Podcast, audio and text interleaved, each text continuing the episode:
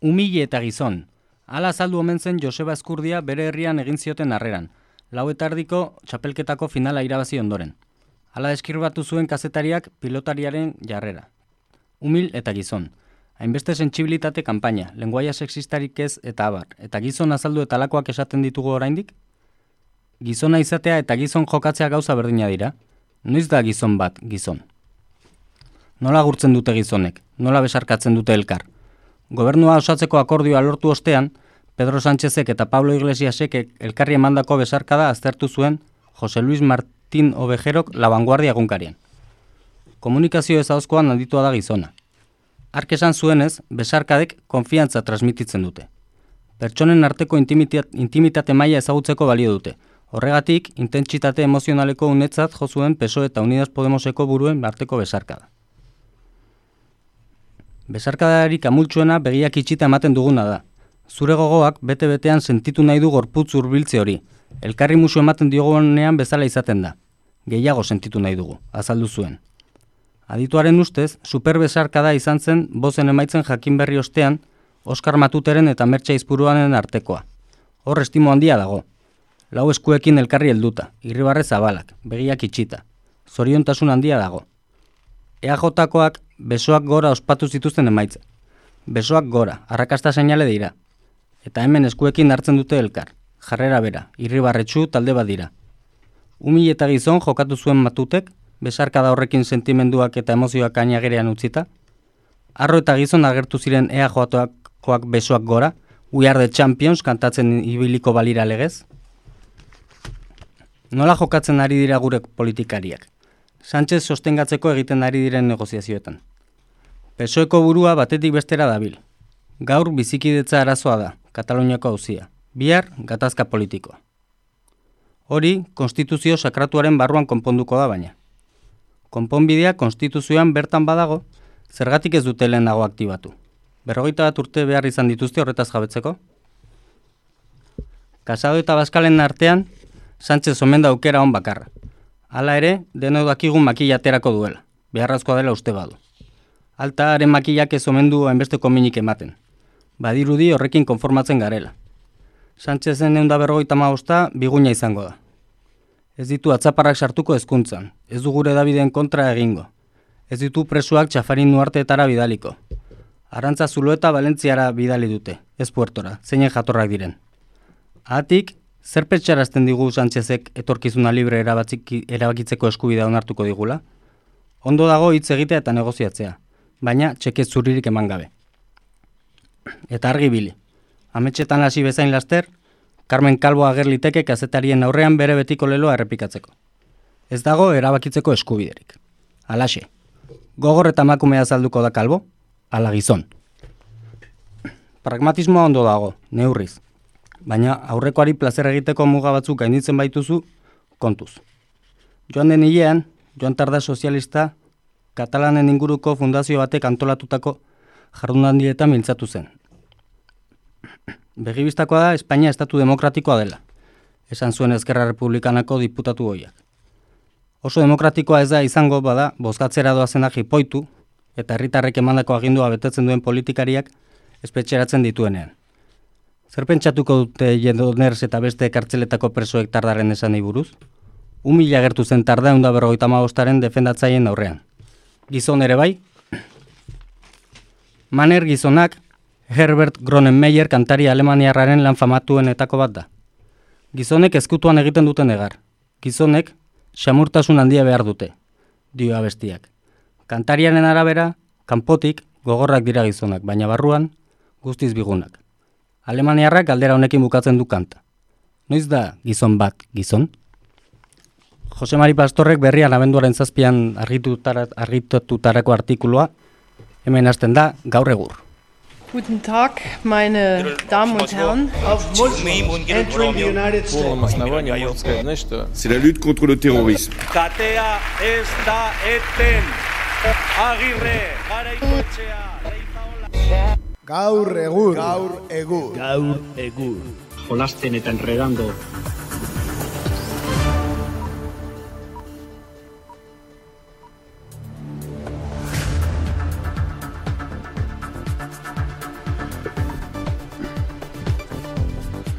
Beti bezain zorrotz, Josemari Pastor, eh? Benetan bikain. Eh, ongi etorri, denoi? Gaixo, gabon. Gaixo, gaixo, ba, hemen txegaude, gaur abenduaren bederatzia da. Eta zuzen zuzenean gaude kakaintzona estudioetan. E, ba, bedera, ui, bederatziak, zazpiak eta bost diren honetan, eh? Zuzen zuzenean, eta ba, besterik gabe, gaurkoan ere irratsaio mardula daukagula. Bai, aspertzeko tarterik ez dugu izango gaurko. Hori da, ongi etorri entzule guztioi, e, txeko goxotasunean egongo zaretelakoan, eta ba, goaze, ba, bertan gaur atalarekin.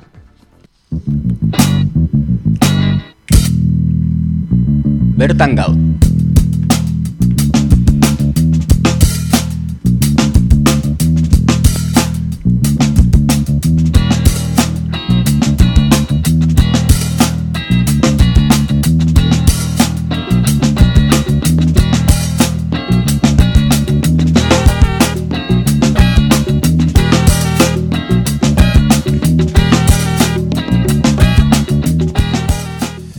aurrera, esan bezala, eh, bertan gaur gure atalarekin, eta gaurkoan primizia batekin, eh, gatorkizue, gaurkoa izango delako 2000 eta eberetziko azken irratsaioa.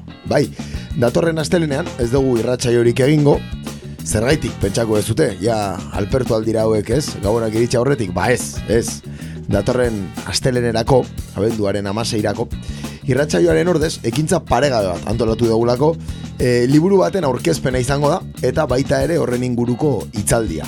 Mm, urretxuko kulturretxean e, egingo dugu, arratsaldeko seiterdietan, eta liburua, El narcooasis vasco, capos de narcotráfico y mafias policiales con impunidad política. E, du izenbu moduan, bai? Eta, bueno, ba, guzti honi buruz e, hitz egiteko, egila bera izango dugu e, urretxuko kulturretxean, datorren astelenean seiterditan, esan bezala, e, ahostar zelaieta, da bera, eta, bueno, ba, jakin dezagun pixkat gehiago, e, berari buruz. Bai, Aostar Zelaieta Zamakona mila behatziron da an sortu zen. Baserritar gudari baten biloba da eta epaizoi euskaltzale baten semea. Mila behatziron da larroita ostean, kazetaritza ikasketak utzi zituen egineko iker, ikerketa taldean lanpostu huts bat betetzeko. Ordurako, jada bi urte zeramatzan tastasirratian parte hartzen. Gartzon epaiaren aginduz, mila bederatziron da larroita mezortzian, egin egunkaria itxi eta gero, ikerketa eta gizarte salaketa helburu duen ardibeltza aldizkarian ibili zen editore. Garzonek ardibeltza isteko agindua eman zuenean, 2000 batean, kalegorriako taldearekin jarri zen lanean. Aldi baterako utzi zituen gero kazetaritza lanak, gazte kriminologia ikasketak egiteko. Hiru liburu argitaratu ditu txalaparta editorialarekin. Jóvenes burukides bizkainos, clientelismo y fontanería en el PNV, La casta vasca, mafias y gobierno vasco en la última década, eta azkena guk eh, aurkezpenean parte hartzeko sorte edukiko duguna, el narcoasis vasco. Capos del narcotráfico y mafias policiales con impunidad política. Komunikabide desberdinetan ere argitaratzen ditu artikuluak eta Twitterreko ariak ere ezagunak zaizkigu irratsaio honetan.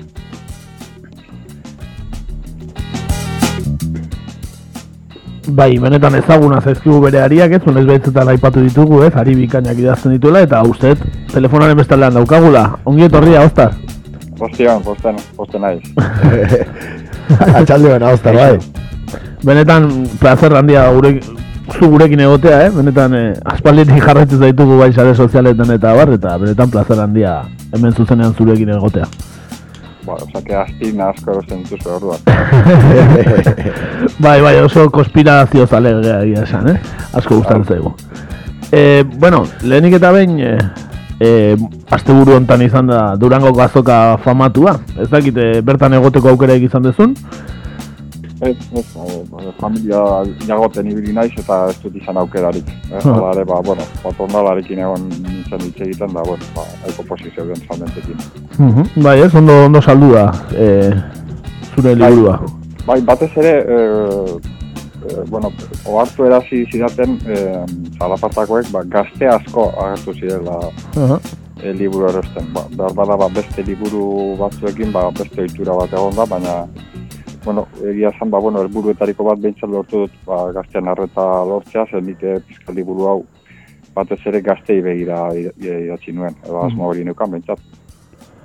E, zergatik batez ere gaztei begira? Bueno, ba, uste nuelako, e, balako utxune bat zegoela gai honen inguruan, e, liburuak idaztearen inguruan, eta e, bere garaian ba, Pepe Rei eta Txuskon Gil azkagintzatik, eta beste batzuk ere, ba, ibili ziren ba, lan batzuk egiten, da handik onera, ba, ez da jarraipenik ez zaio eman gai honi, eta orduan, ba, uste nuen, ba, gaztei aukera eman bar niela, bat, e, aspaldiko kontu horiek, e, pizkat, e, e, berrirakurketa bat ematea, eta gero bestetik ba, gaur egunera arte ba, ze evoluzio izan duen Euskal Herriko narkotrafiko sareak ba, saltzea. Narkotra... Ba, bai. bai. Ez esan esan? Bai, orduan ba, aukera hori emateko e, gai sentitu naiz e, ikerkuntza bukatu dudanean, eta ba, pizkat e, batez ere ba, iturriek gomendatuta eta e, nire inguruko jendeak gomendatuta ba, pizkat gaztei begira idatzi nuen asuntua. Mm. Eta e, narkotrafikoa bezalako gai potolo honentzako, zaila izan da informazioa lortzea? Bueno, zailtasunak baditu, baina, bueno, nik bere garaian e, honen inguruko ikerketa lanak egin da nituen, bai egineko ikerkuntza taldean da bai ardibeltza eta kalegorria dizkarietan, eta horren baulako iturri sare bat e, mantentzen nuen, gaiaren inguruan, pizkat e, adi egoteko ba, e, gauza biherriei eta ba, evoluzioari berari, eta e, bueno, ba, sare hori erabili erreko e, berriz e, ateak ireki, ateak ireki dizkidate, eta sare horren bitartez, ba, beste sare batzuen e, e, jomuga izan dut, eta beste sare batzuk e, elkarrizketatzeko ere aukera izan dut. Eta orduan, ba, bueno, ba, nahiko posinago, ze, bueno, ba, egia da, ba, ba, iturri zaren bitartez, ba, emeroteka mordotsoa lortu nuen, emerotekaren bitartez e, sententzia asko izan dituen eskuragai, eta sententzien, sententzien irakorketarekin, ba, bueno, ba, loitzeko, ba, lan mordozka atera zitzaidan, baina, bueno, ba, posi nago, ze, ba, niretzako nire zona de konfort edo, ber, da, ez, ustelkeria politikoarekin, ba, beti, ez, ez erostasun bat izaten dute idazterako orduan, eta gai honekin ba pizkate erosoago sentitu naiz. Mhm. Eta bueno, ikerketa abiatzeko eh, oinarrizko informazioa bi iturrik, ez? Eman omen dizute, ez? Ertzain batek eta eta hanpako nagusi batek, ezta? Bai, nik pizkate aurrekonturik gabe eh, hasi nion eh, ikerketa honi, esan nahi da, ba, ez neukan aurre iritsi bat, eh, doen muga bat eh, finkatuta. Eta arrun, ba, nire iturri zarietan bi pertsona ba, nahiko aditu edo e, uste nuen e, nituela bat e, ertzantza e, bilitako lagun bat eta e, baita ere ba, legearen beste aldean mugitzen zen ba, anpoi bat baita ere lagura. Eta orduan, ba, bueno, aprobetsatu nuen e, ba, dizkidetasun hori, ba, pizkate, bueno, liburuaren inguruko e, ba, olako mapping bat egiteko e, beraien bitartez eta beraiek ba, laguntza asko eman diate bai ba, legearen alde batetik dauden e, agenteekin e, e, egiteko aukera emanez eta baita ere legearen beste aldean dauden ba, e, jendearekin edo faunarekin e, egiteko aukera emanez. Eta bueno, horrek ba, Eh, aritik atiraka azteko ba, aukera eman, eman zidan, ba, pizka pertsona ja bi hauekin e, elkarizketak aztea. Lagun zirkulo oso heterogeneo haukazu, eh, Ostar? Bai, ba, ba, lagunak edo definitzen direnak, eta beste batzuk dira, ba, benetako lagunak, eta e, ba, politika gintzaren inguruko ustelkeria, ustelkeria politikoarekin ba, lagun asko galde ditut, egia da, eta e, gutxi egin eta ba kasu honetan ba kuriosamente ba ba bueno ba adizkidetasun hori leiala izan da eta naiz eta ez adostasuna handiak eduki eduki e, ba, nola planteatu liburua edo nolin jo ikerkuntzarekin ba bueno holako errespetu bat egon da. Iturri e, iturriekin e, bueno iturriek holako errespetu bat eduki duten irekin ba nire lana zela eta eta horren ba hor, ba, benetako adizkidetasuna aurkitzen duzu, zen da, ba, bueno, nahiz eta esadostasunak eduki, ba, aukera ematen dizute, eh? e, lan egiteko. Liburuaren aria New Yorkeko mafia italiarrarekin lotura duen bilbotar bat da, ez?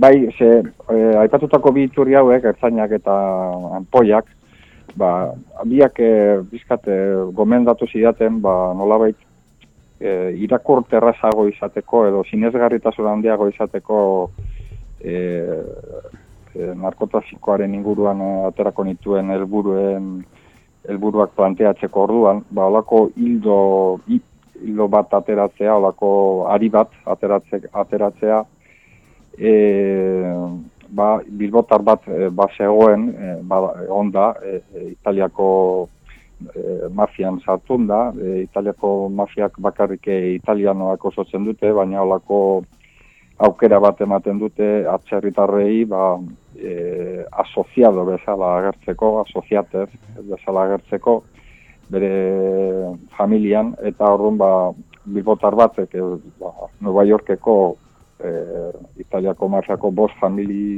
badaude, eta bi, birekin ba, harreman hori izan zuen, eta hortik aurrera ba pizkat aukera eman zidan ba, Euskal Herriko gure kapoak aurkezteko aukera bere bitartez, pertsonaien bitartez, eta bueno, narkotrafiko zaren inguruko nundik norakoak ere azaltzeko. Lehen aipatu duzun publiko gazte hori ere, ez, e, gerturatzeko agian indezu horrela?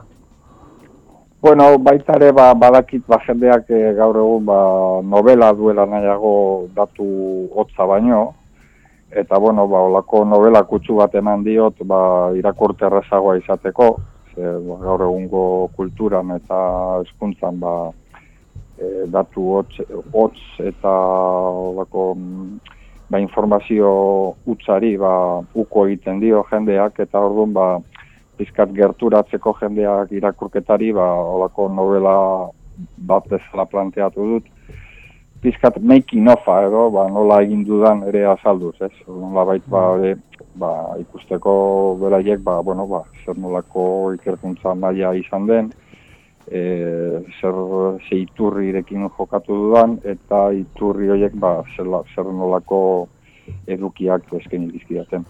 Eta hainbeste ikertuta gero e, narkotrafikoari buruz Euskal Herrian, e, ze, ze ondorio atera dituzke, edo ateratzen dituzuzuk?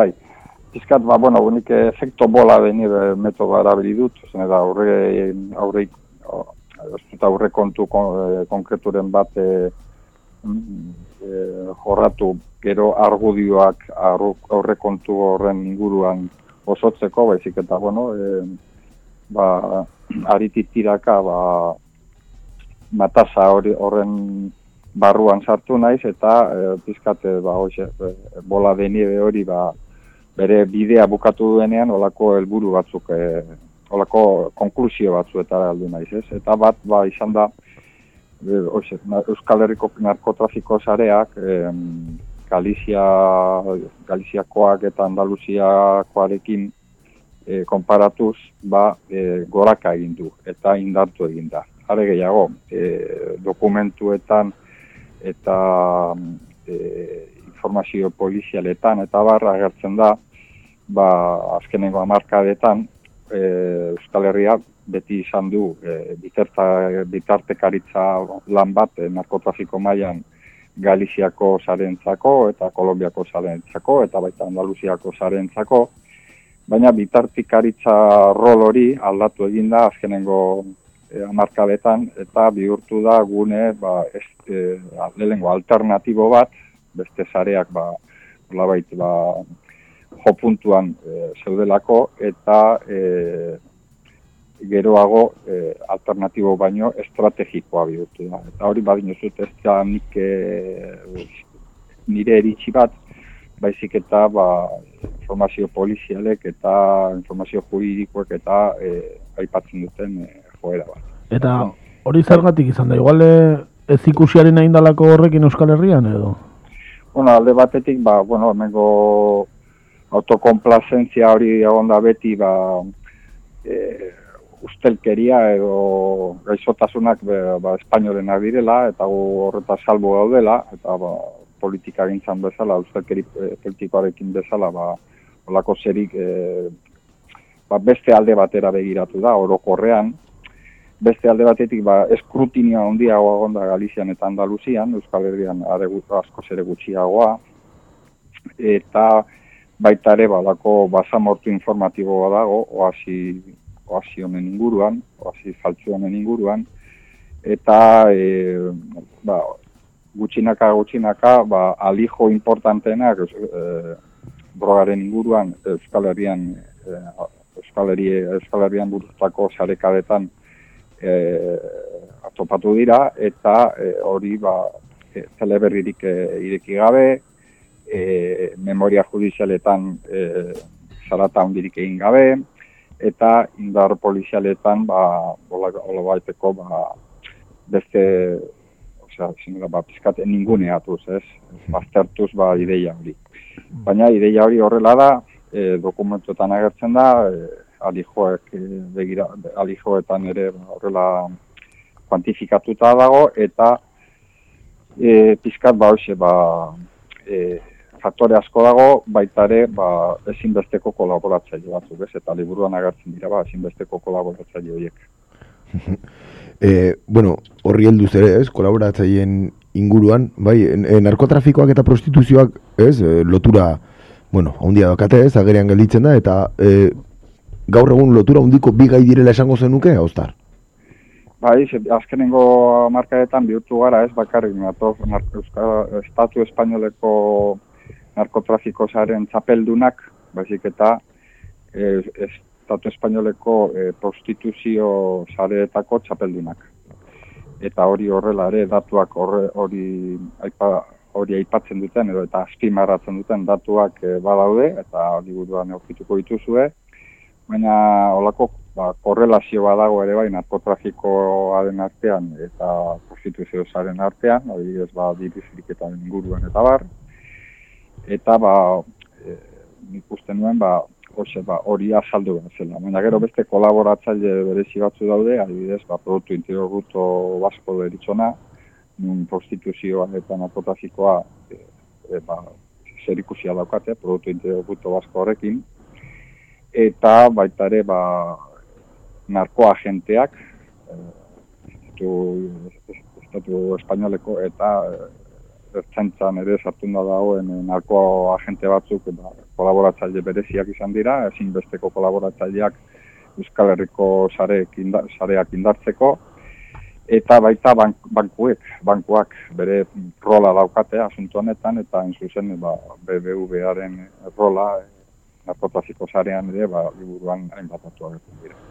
Bueno, orduan entxala politia, ez? Politikariak, poli, polizia agenteak, e, banka, bankariak, prostituzioa, e, benetan entxala polita aurkituko dugu liburuan.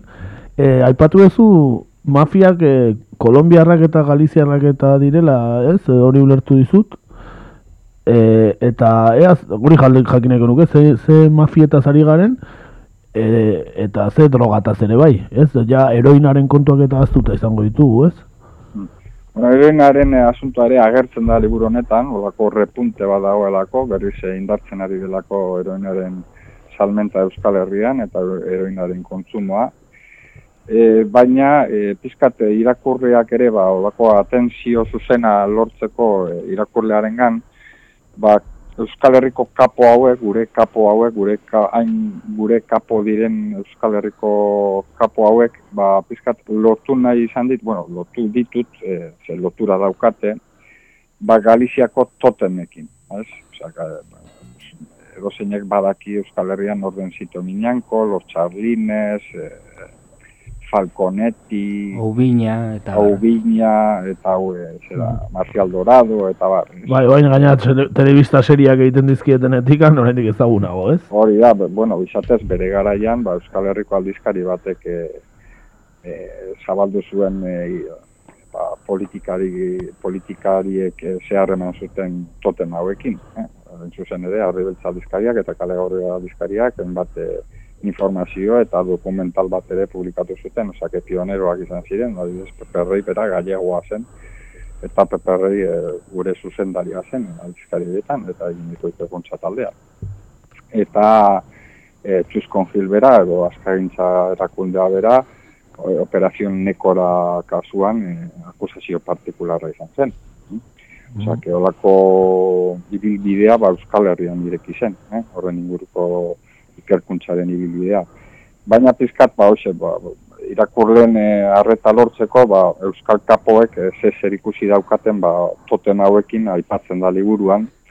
Nolabait, ba, irakur, ter, irakur eh, garriagoa edo erakargarriagoa izateko irakurlearen zat, jake, ba, hoxe, imaginario sozalean, ba, nahiko kontrolatzen da, ba, Galiziako totemen inguruko izenak eta bar, ba, bueno, ba, ze, hoxe, ba, pizkate, olako engantze bat bezala, ba, zer nolako harremana daukate eh, Euskal Herriko zarearekin, ez? Euskal Herriko zarea bere momentuan beraientzat sare bitartekari bat izan zen, baina gaur egun baia e, bihurtu da ba, alternatibo bat edo inkluso ba, estrategiko bat beraien, beraientzako eta horretarako ba, ezinbesteko kolaboratzaileak izan dira ba, Euskal Herriko kapoak. Eta Euskal Herriko kapoen inguruko argazkia ez daukagu, ez geneukan, gaur Mhm. egungoa bintzat. Bueno, orain esatu zera zu argazki hori ateratzen, ez? Bai, bai, eta bueno, badin jutunik ez, nit, ez nituen ere askoz ere gehiago kriminalizatu edo incluso bitimizatu nahi, eta bueno, beraiekin ere ba, pizkata adostu nuen, ba, oize, ni pizkat eh, nahi nituela beraien beraiek aurkeztu, baina ez izen abizenekin, interesgarriago izate, interesgarriagoa zelako niretzako, ba, oize, ba, pizkat arraia handiei buruz hitz egitea, eta bere, bere, ba, oize, bere Hori, zer laguntza ematen dieten ba, politikariek, e, narkopoliziek, e, bankuek eta ministaritzak e, orokorrean. Ez. Inkluso ba, hoxe, ba, komunikabideen e, isiltasuna zer nola laguntzen dien eta bara ipatzea liburuan. Ez. Baina bai, beharrezkoa zen bere argazki ateratzea eta ateratzen da. Ba, benetan gogotsu gaudela gehiago jakiteko eta horregatikan datorren astelenean, ez? Gaur sortzi hemen urretxu zumarragan urretxuko kulturetxan izango gazaitugu. Bai, eta eskartzen da ba, hoxe, ba, orkespen hori adostu izana, eta, bueno, ba, portzen izango nako nazue, nire brebajeak ere, ba, nire karromatoan eramango ditut. Pero gusta hondiz gaina. Eh? Oso ondo, ba, mila mila esker e, haustar eta hori entzulei gogorarazi, seiter ditan datorren astelenean, abenduak amasei, kulturretxan, urretxuko kulturretxan egongo zela liburu hau aurkezten eta, bueno, seguru orain aipatutakoak eta gauza gehiago hitz egiteko aukera izango dugula. Hoxe, Vale, ba, mi esker zuen irratia eri, bai, ba, publikoa di, oarteraztea gaitik. Bai, eta zuri, zuri egiten duzu lan guztiagatik. Plazer handia hemen izateagatik, haustar, eta datorren astean ikusiko da. Ba, bardin, bai, mi esker. Aio. I esker, Ostar, astelen arte.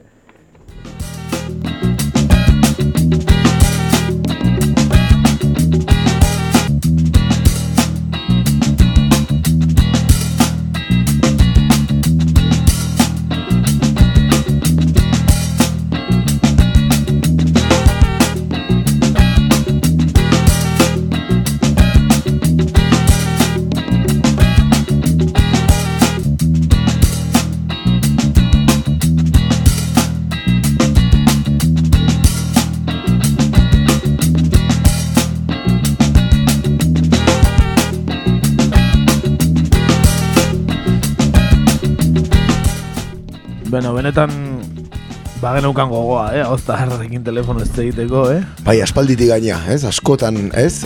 Askotan eta askotan eta urteetan, ez? Komentatu irratsaio honetan bere lana eta berak ateratako ariak eta ikerkuntza lanak, ez da? Bai, ez bai, bai, ustelkeria kasuak eta batzutan horrein dikan, bueno, ez badezue Twitter baldin baukatzue eta ez badezue jarraitzen, benetan gomendagarria zeren, egiten ditu nariak eta, bueno, gauza bikainak agertzen zaizkigu horre.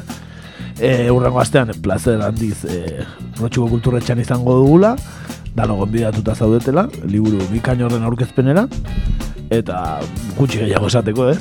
Dena esan da dagoela esango nuke, ez da? Ba, guazen e, nazio artera,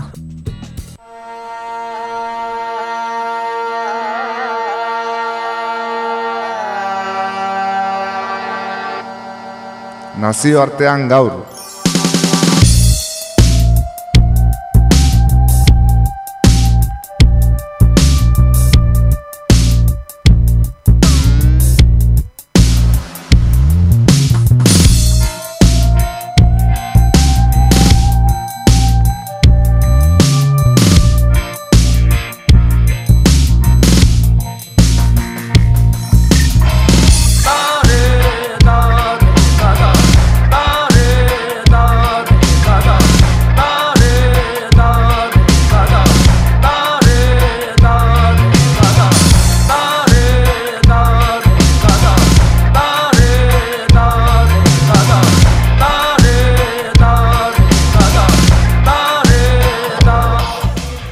Beno, ba, gaurkoan nazioartean e, ekonomia arloari atxikitzen zaion gai bat jorratuko dugu. E, naiz eta parte hartzen duten aktore zein ondorioak e, ba, begiztatuz gero ba, geopolitika zitze egiten ari garela esan genezaken. Hain zuzen ere, Errusiak eta Txinak bi estatuak lotzen dituen gas odi berri bat estrenatu dute The Power of Siberia izenez bataiatu dutena.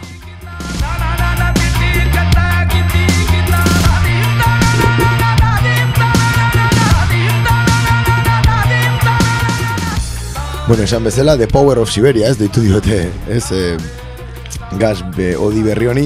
E, izango duen eraginaren tamainakoa da, izen hori edo zer esan dezakegu honen ingurun? Bueno, ba, zifrai erreparatuz gero, bai, ez, e, adibidez, e, gas sobi honek edo gas bide honek iru mila kilometrotako luzera du, eta gehiago luzatzeko aukera.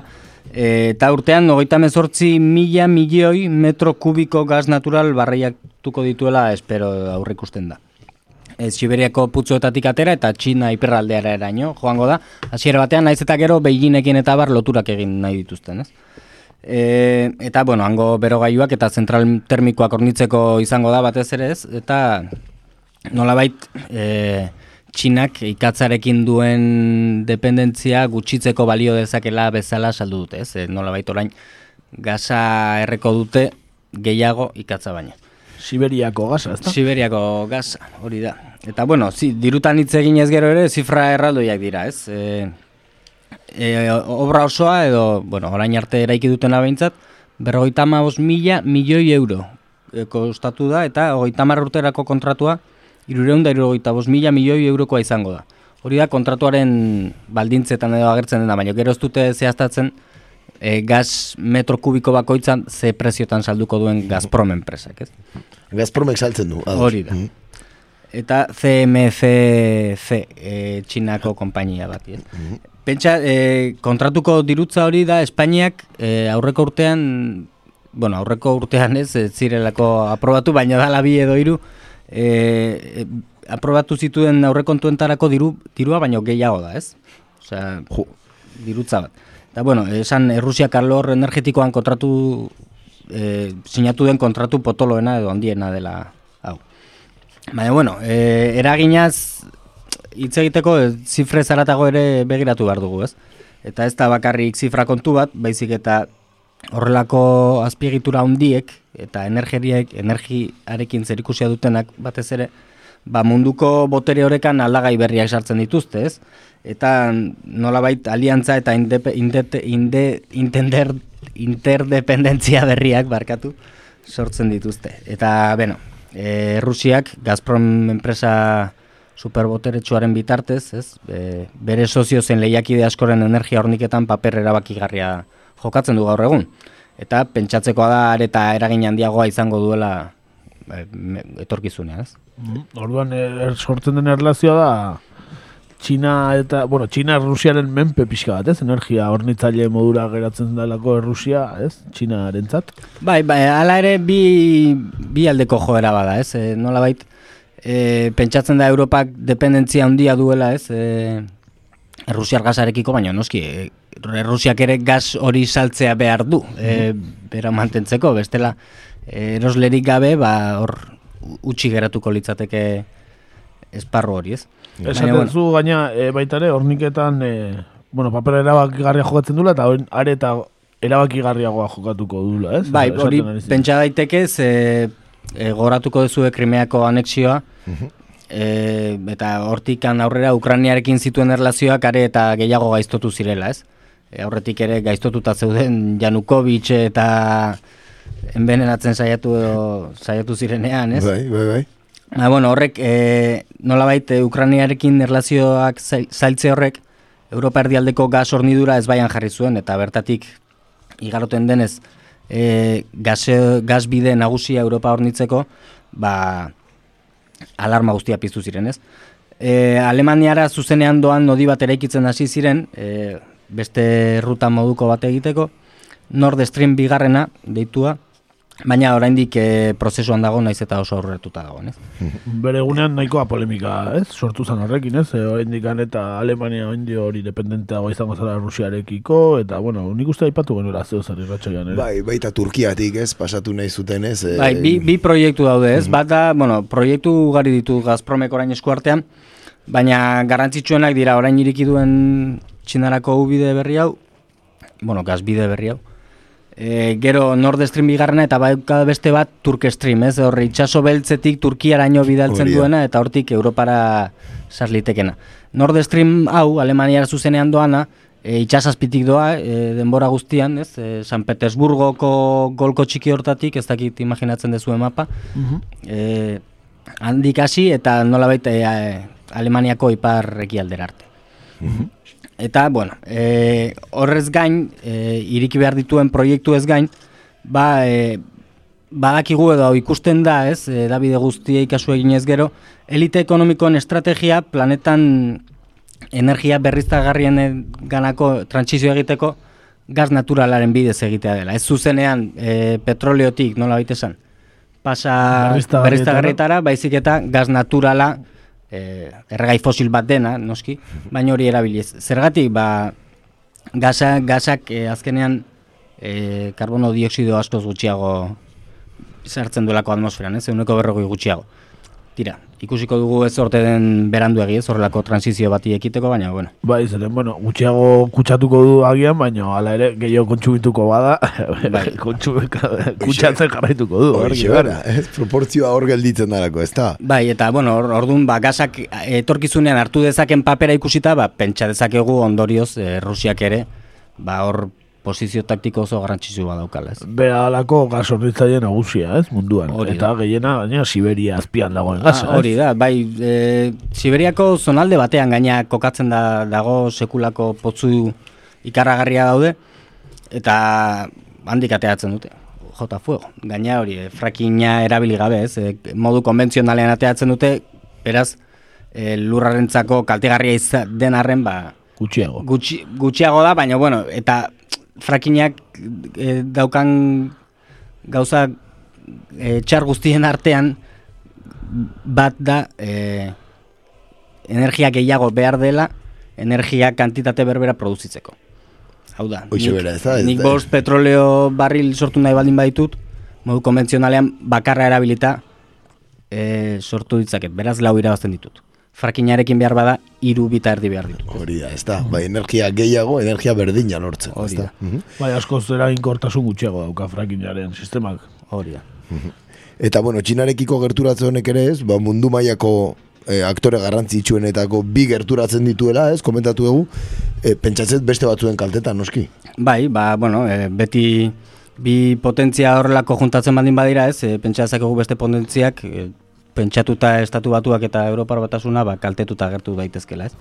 Gainera, e, Txina eta Rusiaren arteko gazbide gehiago irekitzeko bidean daude, izan ere Txinaren mendebaldetik e, igaroko den Power of Siberia bi erraldoia ja planan, bueno, martxan jartzekotan dira, hogeita mar mila metro kubo gaz garraietzeko. Eta beste bat pixka txikiagoa Rusiak aldeko Sajalin irlatik abiatuko dena.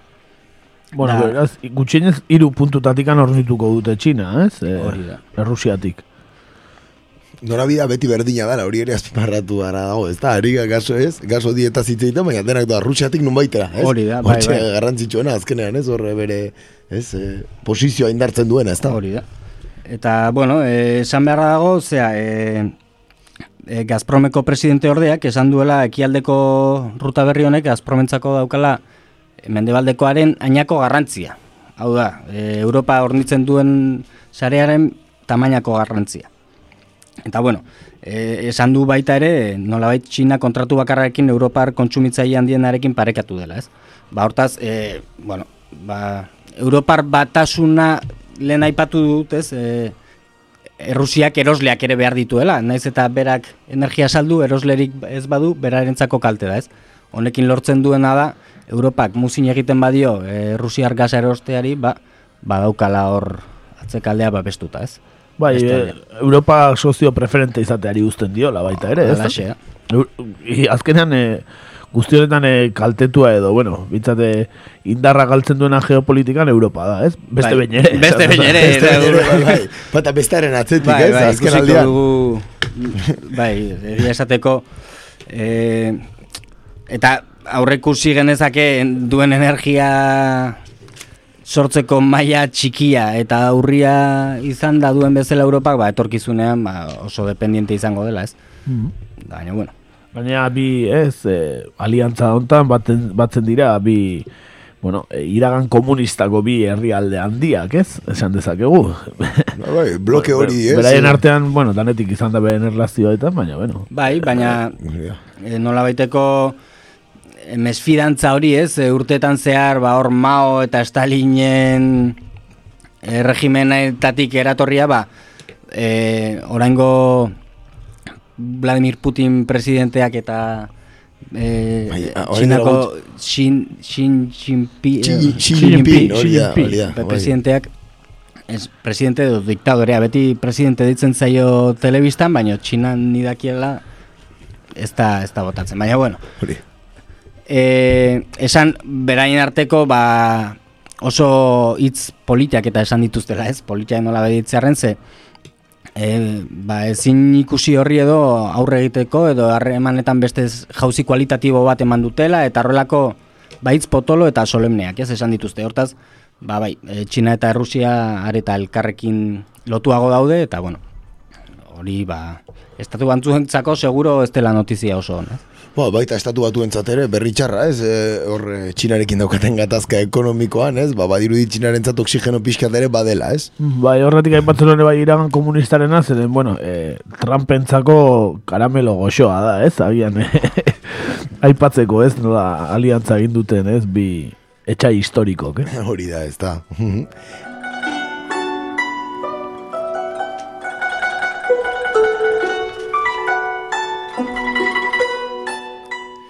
Bueno, eta komentatu egun ez, gaz eh, hori honekin batera, inaugurazio eh, honekin batera, Gazpromek beste berri bat ere eman duela, ez? Bai, ba, ia egun berean, e, Vladimir Putin eta Xi Jinping, e, bueno, wifi edo internet bidez e, iriki zuten, ez zian biak elkartu, bata sotxin zegoen eta bestea ez dakit e, txinako lekuren batean. Gaur eguneko, ez, teknologiaren. Bai, ba, egun hortan berberean edo urrengo egunean e, Gazprom eta Repsol taldeak e, joint venture delako berri bat sortu dute. E, bueno, Siberia mendebaldeko janti mansi barruti autonomoko Karabaskaia eremuan kokatutako sei petroleo bloketan miaketa egiteko. Eta hor ikusi ditugu argazkian bi kontseilari ordeak, e, Gazpromekoa eta ezaguna zaigun Repsolekoa, ezta? Bai, gure herrikidea dena, ez da? Herrikide maitea, eh? Josu Jon. Araño iritsi da, Josio Niman jauna, bai, Eta claro. urrutirago iritsiko da. Eta hori Repsolek euneko berrogei tamar puntu bateko partaidetza eskuratuko du, e, zea sozietate honetan, Oda, gehiengoa. bai, gehiengoa, gutxigati bada ere, baina, e, bueno, bi aldeek aldez aurretik noski baldintza guztia bete beharko dituzte, ez? Eta bueno, e, esan ez dela berria, e, lankidetza hau, izan ere mila, 2008an Josu Jon Imazek zuzentzen duen taldean, Gazprom Neft enpresarekin aurreko akordio bat sinatu zuen, e, mendebaldeko Siberia eskualdean lankidenta in- indartzeko. Eta bueno, e, Repsolek ere joan den ekainean e, soinatu zuen elkar ulertzeko memorandum bat, ez, Errusiako konpainia horrekin, eta Shell, ezagutzen duzuen enpresa anglo holandesa anglo nederlandarrarekin, ez? E, Inglaterra eta Holandaren artean zatitutako enpresa bada. Eta bueno, bertan Siberiako gida penintsulan esplorazio bloketan jarduteko enpresa bat sortu dute, ez? Kasu honetan, e, Gazprom da konpainiaren akziodun nagusia, izan ere uneko berrogeita marreko partaiditza dauka, eta beste biek, hau da, Repsol eta Shellek uneko goita ostea bakoitzak.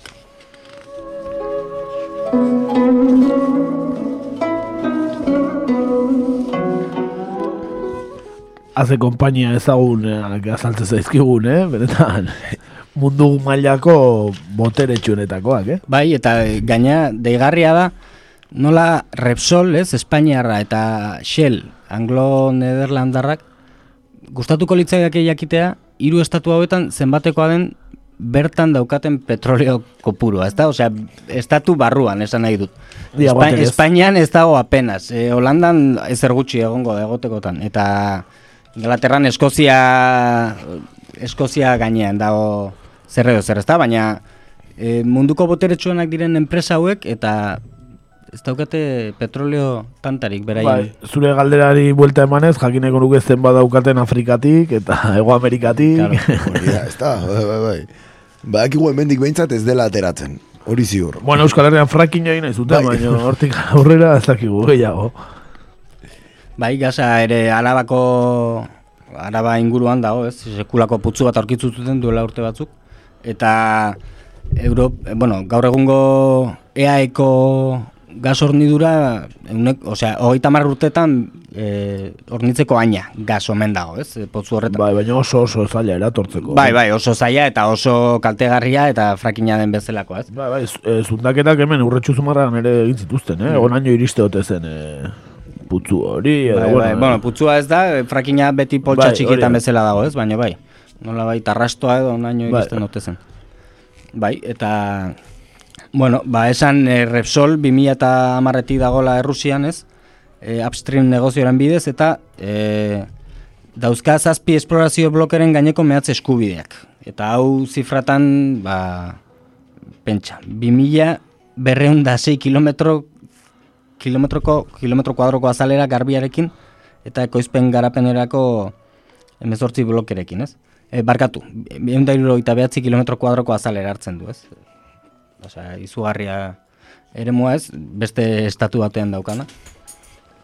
Eta, bueno, e, aurten ere sinatu du beste Novatek enpresa errusiarrarekin Jamal Aztarnategiti datorren gaz natural likuidotua erosteko epeluzeko kontratu, kontratu bat, ez? Beraz, gasaren negozioa, ah, vamos. Eh? Bai, bai, badirudi e, Josu Jon ondo manejatzen dela gasaren negozioan, ez da? E, tratuak bai. egin eta egin ari da. E, lehen, e, norbait, e, despistatuta baldin badin norbait, ba, Eusko Jaurlaritzako bozera maila izan zen, EAJ-ko e, Buru. burure bai, ez? Buru batzarreko lehendakaria, bai, jauna. Buru batzarreko lehendakaria, gero Petronorreko zuzendari, eta orain, e, Repsoleko Bai, Zuzendari delegado, edo, bai, bai, baina azkenean makilla, aginte makilla daukana bera da. Eta, bueno, e, bai, bai, osea, posizio oso boteretsu bat da, ez? Azkenean, Espainiar enpresa hondienetako bat, delako Repsol. Zalantzari gabe, eta hainbatetan eta hainbatetan gure programan agertu gana ere, ez da? Bai, bai. Edozein lekutan eta edozein egoeratan, ez beti nunbait agertzen da, ez? Bai da, Ze- Euskal Donald Ransfeld, ez? Hori da, hori da, bai, bai, bai. Transversala izateak dakartza irik ezin dituen ateak izango da, ez? Berak, eh, gogoratzen badut, bera izan zen hitz hori modan jarri zuen Euskal Herrian. Transversalitatea. bai, bai. Eta aterkia. Aterkia, Aterkia. Gu aterki gabe ateatzen gara. Hori da, bere... Bai, bai, eta sedukzioaren kontu guzti hori, eta bueno, eh? Bai, bai, seduzitzen ikasi du jakin Hori izan da, du, ez da? Kristo nondare utzi zigun, Josio Nimak. Eh, esan bezala, eh, haze gaia, ez? Haze kontu potoloa, ez? Esku Bai, bai, hau. erabat geopolitikoa esan deguna, ez da, eta Bueno, alde batetik ez, ikus daiteke daudela herrien alde, herrialdeen arteko aliantzak eta dependentziak eta bar, baina gero herrialde horietan dauden e, multinazionalen artean dauden e, jokuak, e, tratuak eta nahasketak, bueno, horiek ja herrialdetatik kanpotan ateratzen dira, ez? Bai, bai, ja, era bat, ez? Internalizazio hori ger- gertatzen dara, ez? Horregatik dira multinazionalak, ez? Noski, estatuen gainetik daudelako. Bai, bai, bai. Duari gabe, duari gabe. Bueno, Errusian ez dakit, hainbeste da izango Ez, Errusian ez. Errusian gainera duela urte batzuk eh, Jukos eh, petrol, energia petroleo, bueno, petroleotik energia erakartzen zuen presa bat zegoen ez, eta gogoratzen baduzue bertako bueno, ba, presidente zena atxilotu zuen Putinek eta esan zion, orain utzi Basikamente, potroak ikutziari, ez? Guri tokatzen zaigu, ez da? Ez? Bai, de hecho, gero uste dut espetxetik atera zutela, ez, Bai. protesten ondorioz, eta oposizioarekin aurkeztu zela, baina, bueno, bueno, ez du oso etorkizun oparoa izango, hori ziur. Ez, ez. Be- behar bada veneno berri baten Polonioaren beste, ez? Polonioa eratorritako beste sustantziaren bat edo, ez? Hori da, eh? grano bat atera eta konturatzen zeanerako hilkutxan zaude, ez da? Ez da grano bakarrik lehertzen, Hori ez? da, hori da.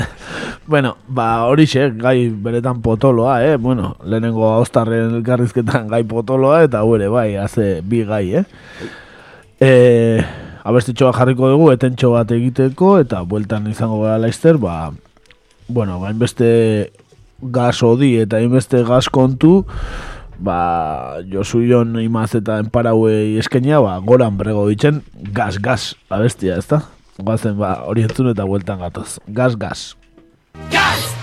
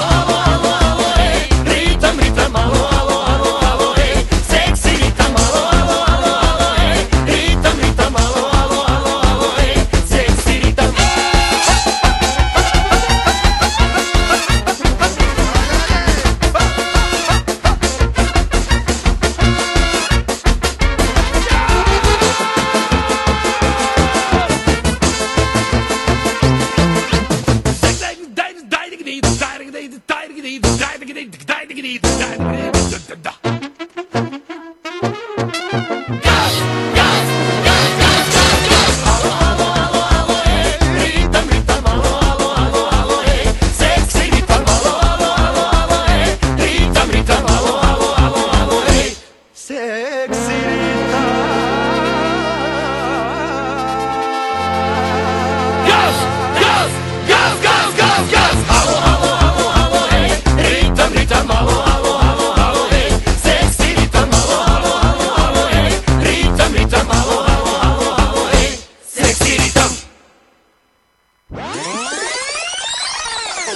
Egunes.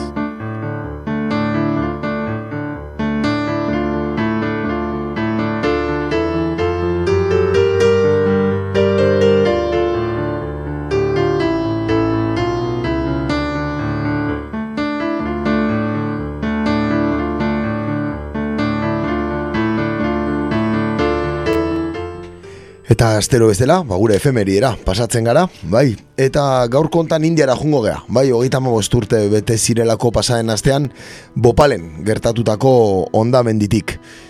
E, Bopaleko istripua, mila bederatzireun da laro geita lauko abenduaren bitik irura Bopal irian gertatu zen. Madhya Pradesh e, eskualdean, indian, Eta gertatu, bertan e, gertatutakoa, ba, bueno, ondamendi larri bat izan zen, non e, Union Carbide, enpresaren planta kimikoak, metilisozianatoko naigabeko isurketa bat egin zuen segurtasun neurri faltagatik.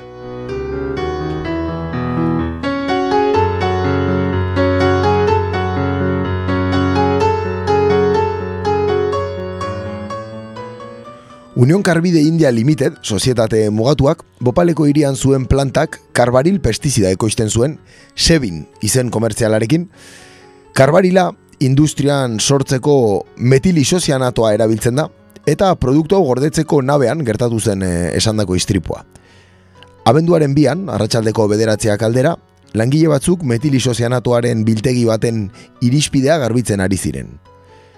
Kasu hauetan, jarri beharreko itzuleraren kontrako balbula bat jartzea falta omen zen irispidean, eta horregatik gaueko amarrak inguruan, ura seireunda amar biltegian sartzen hasi zela uste da erreakzio exotermiko bortitz bati hasiera emanez. Erreakzio hauetan, energia askatzen denez, biltegi barneko temperatura berreun gradukoa izatera heldu zen. Horrez gain, kontutan izan behar da, hasieran biltegiko temperatura amabost hogei gradu tartekoa zela, normalean metilisozianatoa 0 gradutan egoera likidoan mantendu behar bada ere. Ondoren jakintzen biltegiko presioa ere etzela egokia. Guztira, plantan irurogeita zazpitona metilisozianato zeuden gordeta, kopuru nahiko adierazgarria, kontutan baldima daukagu Europan, 0,5 tona biltegiratzeko baimena besterik ez dagoela.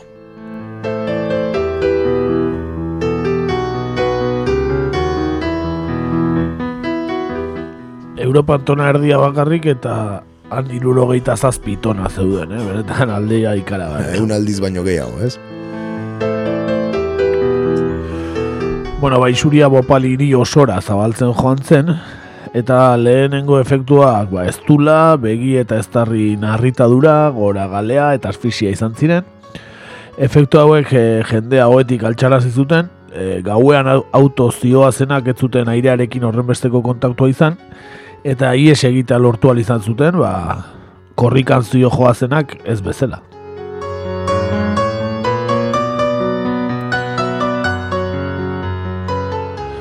Bueno, gertatutako heriotza ugariengatik, ba, hainbat gorpu lurperatu zituzten, baita ibaira bota ere. Egun da, irurogeita mila pertsonek ospitalera jo zuten, eta animalia ugari ere zendu zen, eta hauek lurperatu zituzten. Horrez gain, landeretako ostoak usteldu egin ziren, zimeldu, eta ba, erori egin ziren, e, istripua gertatu eta egun gutxi batzuetara.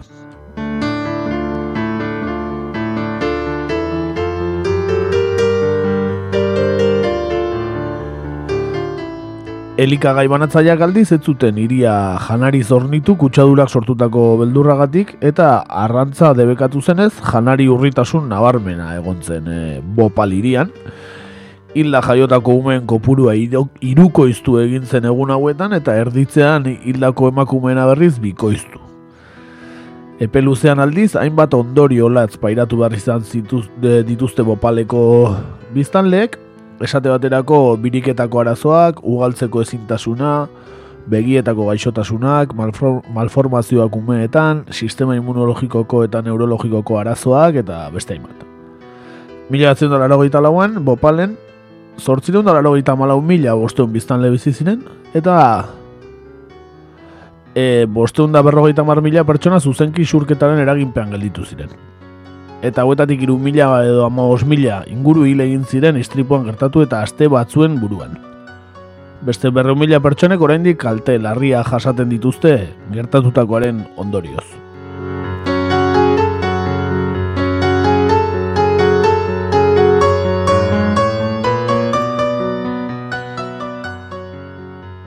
Ez, ingundumenari dagokionez, pairatutako kalteak erabatekoak dira.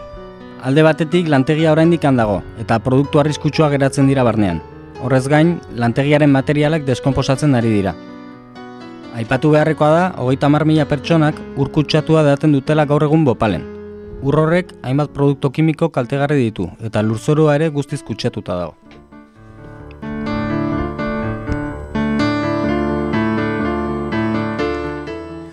Beraldetik Union Karbidek ez du oraindik ere bere erantzunkizuna onartzen eta enpresaren esanetan sabotaje bat izan zen eragile bakarra. Ez baitago beste azalpenik haien aburuz. Laguntza ekonomikoren bat eman izan dute eta ospitale bat ere eraiki zuten bere garaian. Hogeita hamabost urte pasa baldin badira ere, oraindik ez dago kalteak bere gain hartu dituenik. Biktimentzat ordea bada errudunik. Isuria izan zuen enpresak etzuela behar bezala jokatu uste dute.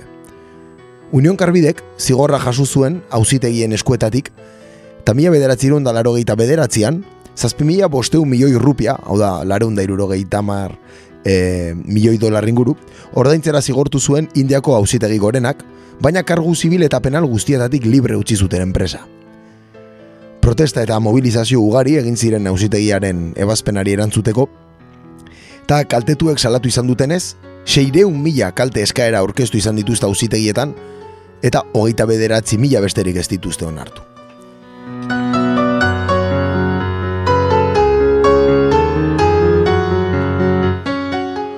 Bueno, lehenengo narkotrafikoa zaritu gara, gero, e, bueno, energia multinazionaletaz eta orain, e, ba, kimika, ez? Multinazional kimiko eta ez, bueno, benetan... Haze menua gaurkoa. Bai, bai. Ez?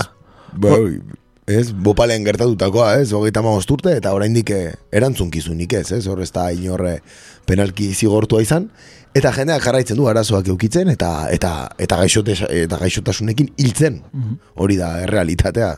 Bai, bai. Hor gertatu zenaren euneko bata gertatu izan balitz Europan, adibidez, jakin nahiko nuke zen baterainoko, ez, erantzunkizunak eskatuko ziren eta ze ondorio penal izango zituen, ez? Hor txaukago adibidez, ez, komparatiba bat egitearen Txernobilen gertatutakoarekin eta Bopalen gertatutakoarekin, ez? Bai, Zoi eh, hartzun izan zuen batek eta besteak. protestei dagokionez gogoratu naiz oain e, badago dokumental bat edo e, batzuk e, ekintza zuzena edo bueno ekintza zuzena edo ekintza hola nahiko zoroak edo imaginatiboak dituzten batzuk e, egin zutela hogeita osgarren urte hurrenean edo e, lehenagoti prestatzen juntzian eta komunikabide handiren batean ez da BBC-en edo entrevista bat egin zieten bati e, esan ez e, zala Union Karbideko zuzendarietako bat edo bozera maile bat eta esan zuen e, bueno, biktima guztiak indemnizatu behar zituztela eta ez da gizetan agezurra eta bueno, kristona arrabotxa sortu zen e, ba hori mundu guztian zabaldu zen notizia, bopalen ospatu zuten, eta karo, gero Union Karbide gatera barri izan zuen esaten ez gezurra zala, eta bueno. Are, eta okerrago gelditzeko, ez, eta badago dokumental bat hori dana kontatzen du, no, baina izena naiz akordatuko, zati, ontxe akorda naiz horretaz, Bai, baina bai, bai. ez dakit pixka sarean no, ikertzen baduzu, igual topauko ez oso, oso dokumental ona zan egia esan. Zaba, betxu, ekintza, ez, eh, txukura bintzat agerian usteko, areta gehiago, ez? Eh, Union Karbidek izan dako jarrera. Bai, hori. oiek esan zutena, zan, Union Karbidek esan beharko lukena, ez? Baina nola ez zian Union Karbideko e, ordezkariak, ba, bueno, ba, ikusi zitzaien ze larru lodia daukaten Union Karbideko zuzendariak eta, ez? Ja, lo creo, bai. Ba, esan dakoa, ez, eh, hause bopalen ingurukoa eta besti bat ekarri dugu, ez, beti bezala. E, bertako rapero batzuk egindako hiru raperoen e, elkarlanaren ondorioz ateratako abestia, eta, bueno, ba, bopalen e, hildakoen e, omenezko kantu bat entzungo dugu. Guazen ba.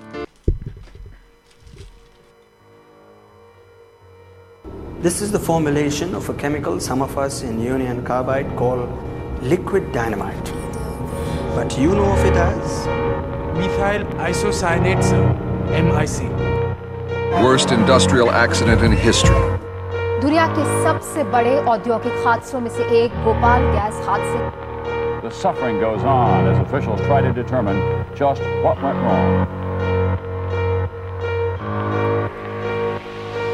पंदरबाट अत्याचार का, फिरंगी का, सरकार का, पुकारता इंसान उतरा रंग न्याय की तलवार का, व्यापार का, ढोंग करने आया मौत का बाज़ार था, अनजान था, आम आदमी उसका मेहमानी बेमान था, फैलाया शहर, बनाया शहर को शमशान था गुमान क्यों आज़ादी का देश उस दिन भी गुलाम था, फरमान था तबाही का जो सरद रात में आया था, झीलों का शहर अब तो बस लाशों का मैदान था, सरकारें बन गई बहरी, कानों में इतना मैल था आनंद फानंद सजा सुना दी गया, नहीं कोई जेल था।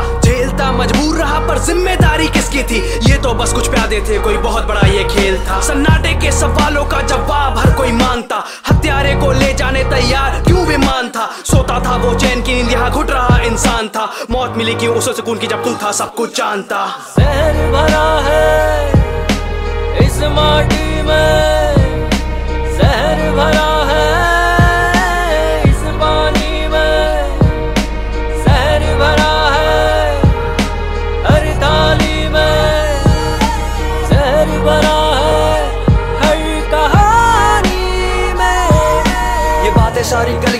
बातें की सुन तू आज नाराज़गी गायब है हर एक ताजगी जो हक में थी, हर जान की। सब जानते हैं सब कुछ, फिर भी है बैठे शांत। ही देखते हैं सब कुछ, फिर भी पट्टियाँ है बाँध ली हमने आँखों में जवाब देगा कौन इन सवालों के? पूछूँ यहाँ के लोगों से या पलटी हुई सरकारों से? अगर सुन सकते पुकारों को इन उजड़े से परिवारों के तो उतरो तुम बाजारों में और चीख दो ये नारों में। पैंतीस साल होने को आ गए, इतना क्यों है वेट किया? वेस्ट को तो फेंक दिया, पर उसको नाकरी मेट किया। रखी अभी एम उस फैक्ट्री में भर के है। फिर से होगी ट्रेजेडी ये खतरा अभी सर पे है। हम घर पे बैठे सोचते हैं, हम सब बैठे सेफ़ यहाँ। आए कितने कोर्ट ऑर्डर फिर भी कुछ ना चेंज या सरकार, ये जनाब, हमको समझी है लाचार। ना उठाते हम आवाज़ तो अवाम को ही बेच दिया।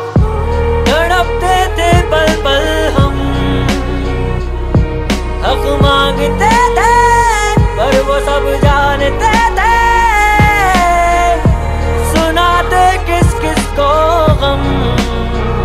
बनते अनजान से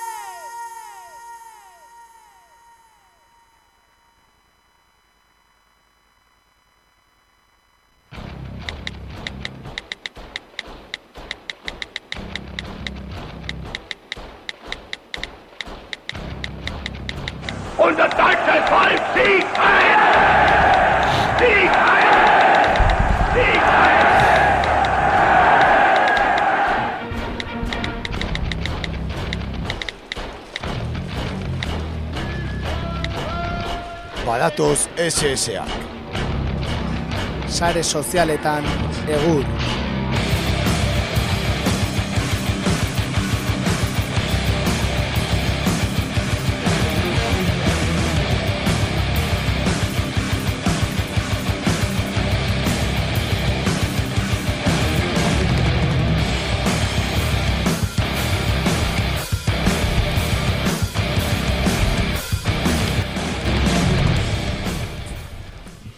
Gaurkoan YouTubeen modan dauden famili YouTuberrak zer diren ikusiko dugu. Benetan fenomeno harrigarria osatzen baitute.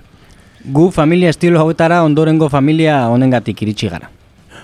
Buenos días, Caramelucci.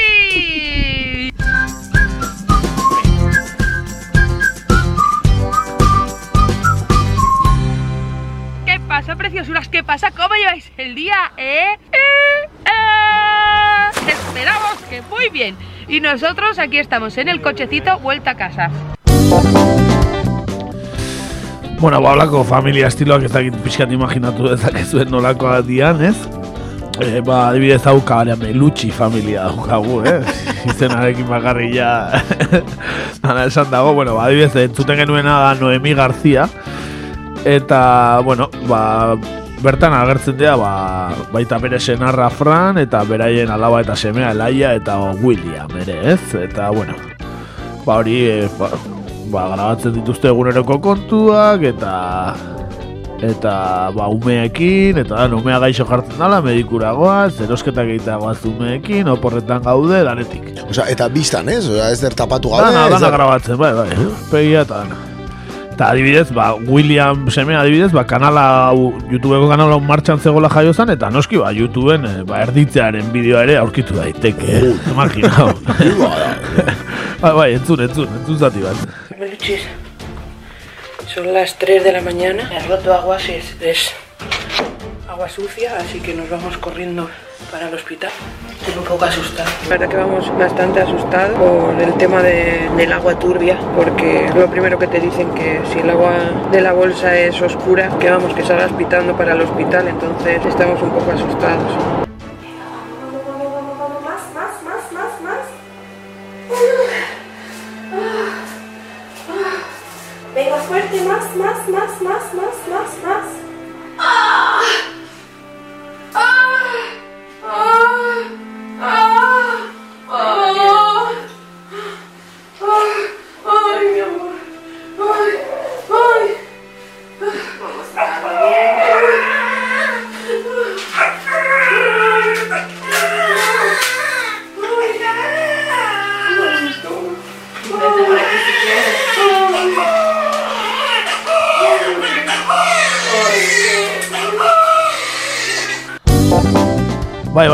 Erditzea YouTube. Ai, YouTube. bala, hostia. Bueno, bueno, bueno, bueno, nenengo berria, ez nuen, ez nuen, ezin nuen imaginatu hau existitzen zanik, vamos. Ikaragarria, bai, bai. Eta hori, ba, diskursi, bueno, naharitu daiteke, ba, hori, e, e, gero edita hoite dituzte bideoak, ez, musikatxo bat, ez Sekulako lana eskaintzen diete, ez? Eta gainera jarraitzaile ugari dituzte, ez? Ez dala bai, se- sekulako lana ez, behaien lana da. Adibidez, karamelutxi familia honek milioi bat seireun da berrogei mila arpide dun ditu kanalean.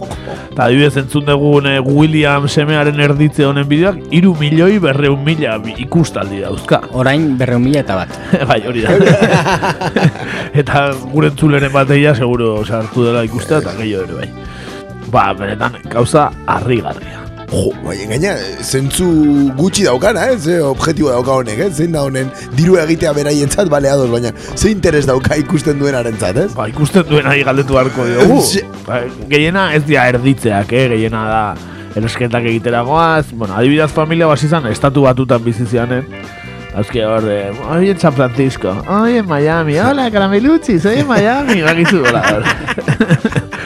eta, eta gero Espainiara, ez, Espainola dia behaiek, Espainiara itzuli zian, eta gero erresuma batura juntzean bizitzea, beraz, bueno. Zer dira, maila ekonomiko bajukoak, ez? O... Bueno, YouTubek eh, albidetu dio maila bajukoak ez izatea. Hori hori ziur, eh? Hori ziur.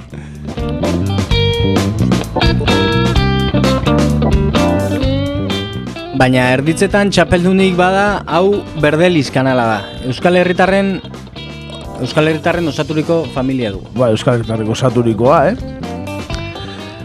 Ojo, al, ajo aldatu, eh? Ojo aldatu. Berdeliz eh, honen atzean dago Estefania Untzu eta bere senar Aritz Seminario. Biak Iruña arradia, eh? eh Iruña Pamplona, Naparro jo, eta Euskal Herriko hiriburua. Eta, ba hori, Euskal Herritarra dira, eta ojo, sei seme alaba dituzte. Eta, claro, erditzeetan, ba, claro, erditze bideoetan, ba, honena behaiek, ez da? Entzun ditzagun, e, behaien kanala zer dan, beraiek edo bera esplikatzen Estefania untzu hau bera. Hola YouTube, si ves este vídeo es porque muy probablemente sea la primera vez que caigas en nuestro canal. Te voy a hacer un pequeño resumen para que entiendas qué es lo que te vas a encontrar. Blogs familiares desde mi perspectiva como madre. Somos una familia de 8 miembros. Embar me quedé embarazada con 19 años, después vendrían Irati, Daya, Yulen y las mellitas. Nuestros vídeos recogen la realidad de nuestro día a día, cómo nos desenvolvemos, qué trucos tenemos, consejos, recomendaciones. Nos encanta decir que en nuestros vídeos imprimimos recuerdos, construimos la infancia de nuestros hijos que es feliz, amorosa, también divertida. Compartimos retos, trucos, tag, belleza, moda, viaje, todo lo que viene siendo un recopilatorio de nuestro día a día. Aquí encontrarás también un espacio donde dar cabida a las emociones, sin prejuicios, sin etiquetas, donde normalizar procesos como el embarazo, el parto, la maternidad, la fertilidad, la lactancia, sin tabúes, sin miedos. Somos muy viejitos en YouTube, nos acompañan un millón de seguidores, nos habéis visto crecer y probablemente nos sigáis viendo crecer.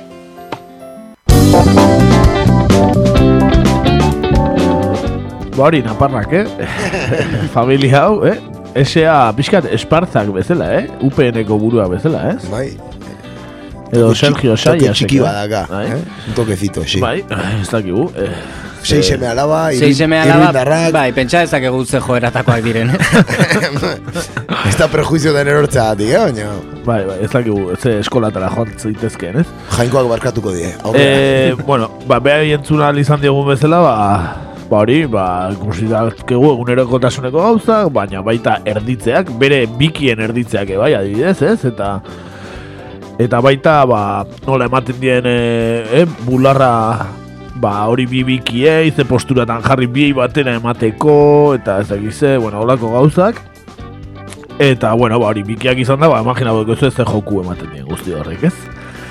Eh, esan, eh, Berdeliz kanal honek, bi milioi arpide dituela.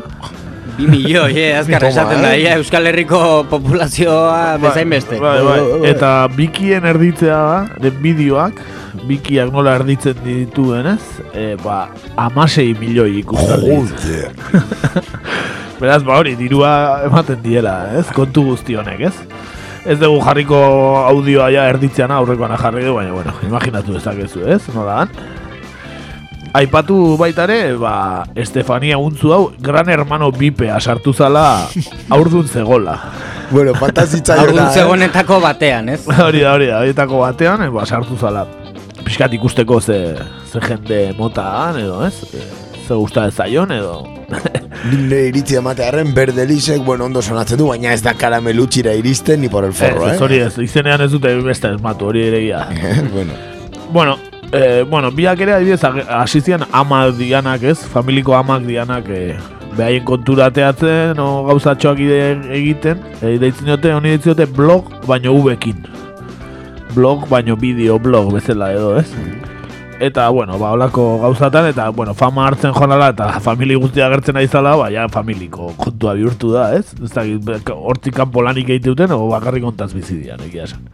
Baina, bueno, bastante joko ematen dio, umeak agertzen dira, umeek tontakerik egiten, umei bromak egiten, umeek gurasoi bromak egiten, bueno. Imagina dik ez Ba hori, eta hori da ekarri nahi genuna, ez, ba, ba nola dauden kanal hauek, eta karo, imagina dik ez gero, ba, eh, hoy desayunando con nuestros seis niños, ba, claro, ateatzen da zereala marka dago, Claro, eh, claro, claro, que esnearen marka ez? dago, zumuaren marka dago, bez, ba, Eta amasei milioi ikusle baldin badituzu, ba... Ba, ondo dirua dizute. ere... Bai, bai, eta hori, ba, horrelako kontuetan, ba, bueno, ba, bai modan dagoela, hola, famili, youtuber, youtuberrak, ez? Youtuber familiak edo. Bai, bai, bai, bai. Ni Benetan, eh, pixka txoken gelditu naiz, eh? Ez duen espero hainbesterako izango zanik, baina... Hor, dirua, diruaz gain, ba, beste gauzaren bat ere atzean badagola iruditzen zaitez. E, diru gozeaz gain esan nahi dut, hau da, hor badago exhibizionismorako joera argi, ga- argi Bai, bat, ez? bai, Hor, bai. erditze bat youtubera igotzeko, ba, ez dakit nola baiteko ba hori exhibizionismorako joera bat eduki behar duzu argi eta garbi bestela nik ez dut ulertzen e, ze preziotan saldu dezakezun horrelako intimitate bat ez Bai, bai, eta gaina, ja erditzea gaina estremoa da, baina adibidez e, e, alaba gaixo jarri dala. E, ospitalea goaz, alaba gaixo jarri da, eta, eta grabatzen hor kotxen alaba gaixo jarri da, eta kezkatuta gaude, atzen alaba urpegi grabatzen dure, bai, ama ze urpegi txarraukan alabak, bueno, gozatzu... E, Tamalgarri, tamalgarri. Eguingarria, eguingarria. Bai, bai, bai, bai, eta areta gehiago behaiek, ez, YouTube kanal bat zabaltzea nahi bali maute, ba, bueno, indezatera behaien irudiarekin, ez, baina behaien seme alabak horrela exponitzea, ez, gaina esan dezuna, ez tapatu gabe, ez ezer, ez, horpegi guztiak ikusten dira, eta behaientzak suposatu ezakenarekin, ez, hori betirako gelditzen Bai, bai, delako. hori pentsa, hemendik urte batzuetara, orain amar, amaika, ez dakit zenbat urte dituzten seme, gutxiago Ba, danetik, ba, sei dauzkien haue daukie, danetik, daukie, batzuk eh, batek amasei o amalau, eta gero, ba, txikienak igual iru, o, Bai, ba. oso egon, egon liteke haurtzaroan edo oso umezarenean, baina pentsa gaztarora iristen bazera ez. E, Ba, imagina, amalau- Garen bezalako putakumeak aurkitzen baituzu karamelutxi... Hori esan behar izan, amara Bai, urtekin ka- karamelutxa bizera ez da oso popularra izango. eh, seguro, ez. Joder, baina, bueno, ne- nera bezaron eta, baina, bueno, jungo dian eskolak ere ez dia izango eskola publiko, auzoko eskola publikoak ez da, eta, bueno, ikusiko dugu. ez dakit zenbatean joketorkizuna eukiko dute, baina, bueno, dirua egiten nahi diala argi dago, eh? Ba, hoxe, hoxe karren nahi genuen, eta, bueno, entzule finen bat agian konturatuko zan ez deula, baino Twitter galdera ibiali. ba, Twitter galdera horri, horako, ba, famili, youtuber famili buruz galdetuko dugu, ez aber ezautzen dezuen talderik edo familiari, baizik eta aber zein euskal politikariren familia ba, jarraituko zenuketen YouTubeen horrelako zeo zeingo balute, ez? claro. Bueno, guri labotu zaizkigu, baina nahi dezuera jarri guri okutu ezgu maialen iriarte. Bo, bo seme alabaren ama ere. Bo seme alabaren ama. Cierto, hori da.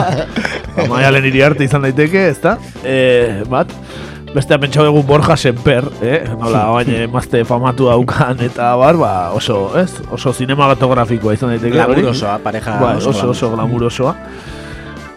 Andoni Hortuzar, ez? A ver, soziadenen bere txokoan, hor, marmitakoa preparatzen, hola, eh, nik ikusten dut. Bai, bai, Old school, old school gehiago, ez da, eh, hor, bai. Ba, ez, ume txikik ez dauzke, baina, bueno, izan daiteke, eh, ba, hoi la partidita del mus, eta, eh, hor, Ah, sí, sí, sí, hori da, hori da. Gaikoarekin jantzita, eta... hori da, hori da. Tapete bat ikurriñakin, bueno, en fin, bai, Bai, detalle eta, guzti. bueno, e, politikoki zuzenak izatearen, ba, idoia mendia, bai jarri dugu, ez da, PNV-ko bat, e, EH Bilduko bat eta PP-koa jarri dugu, ba.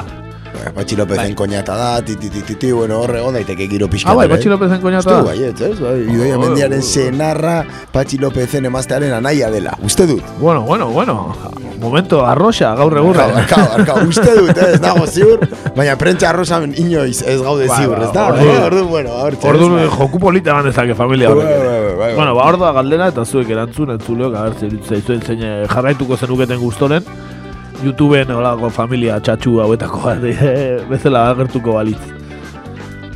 Bialiko dugu, bialita dago. Aipatu aurreko astean galdetu genuela zein eh, dan euskal politikari berdeena eta goleadatz irabazi duela Koldobiken jauregi ber, legazpiko alkateak, ez? Merezita, merezita, bere lanak egin ditu eta merezita zuen.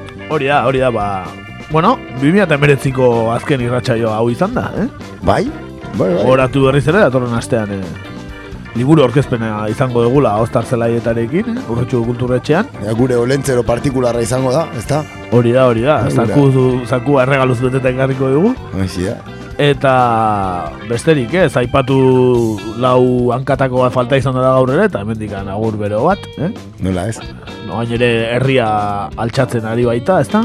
Hori da, beti bezala.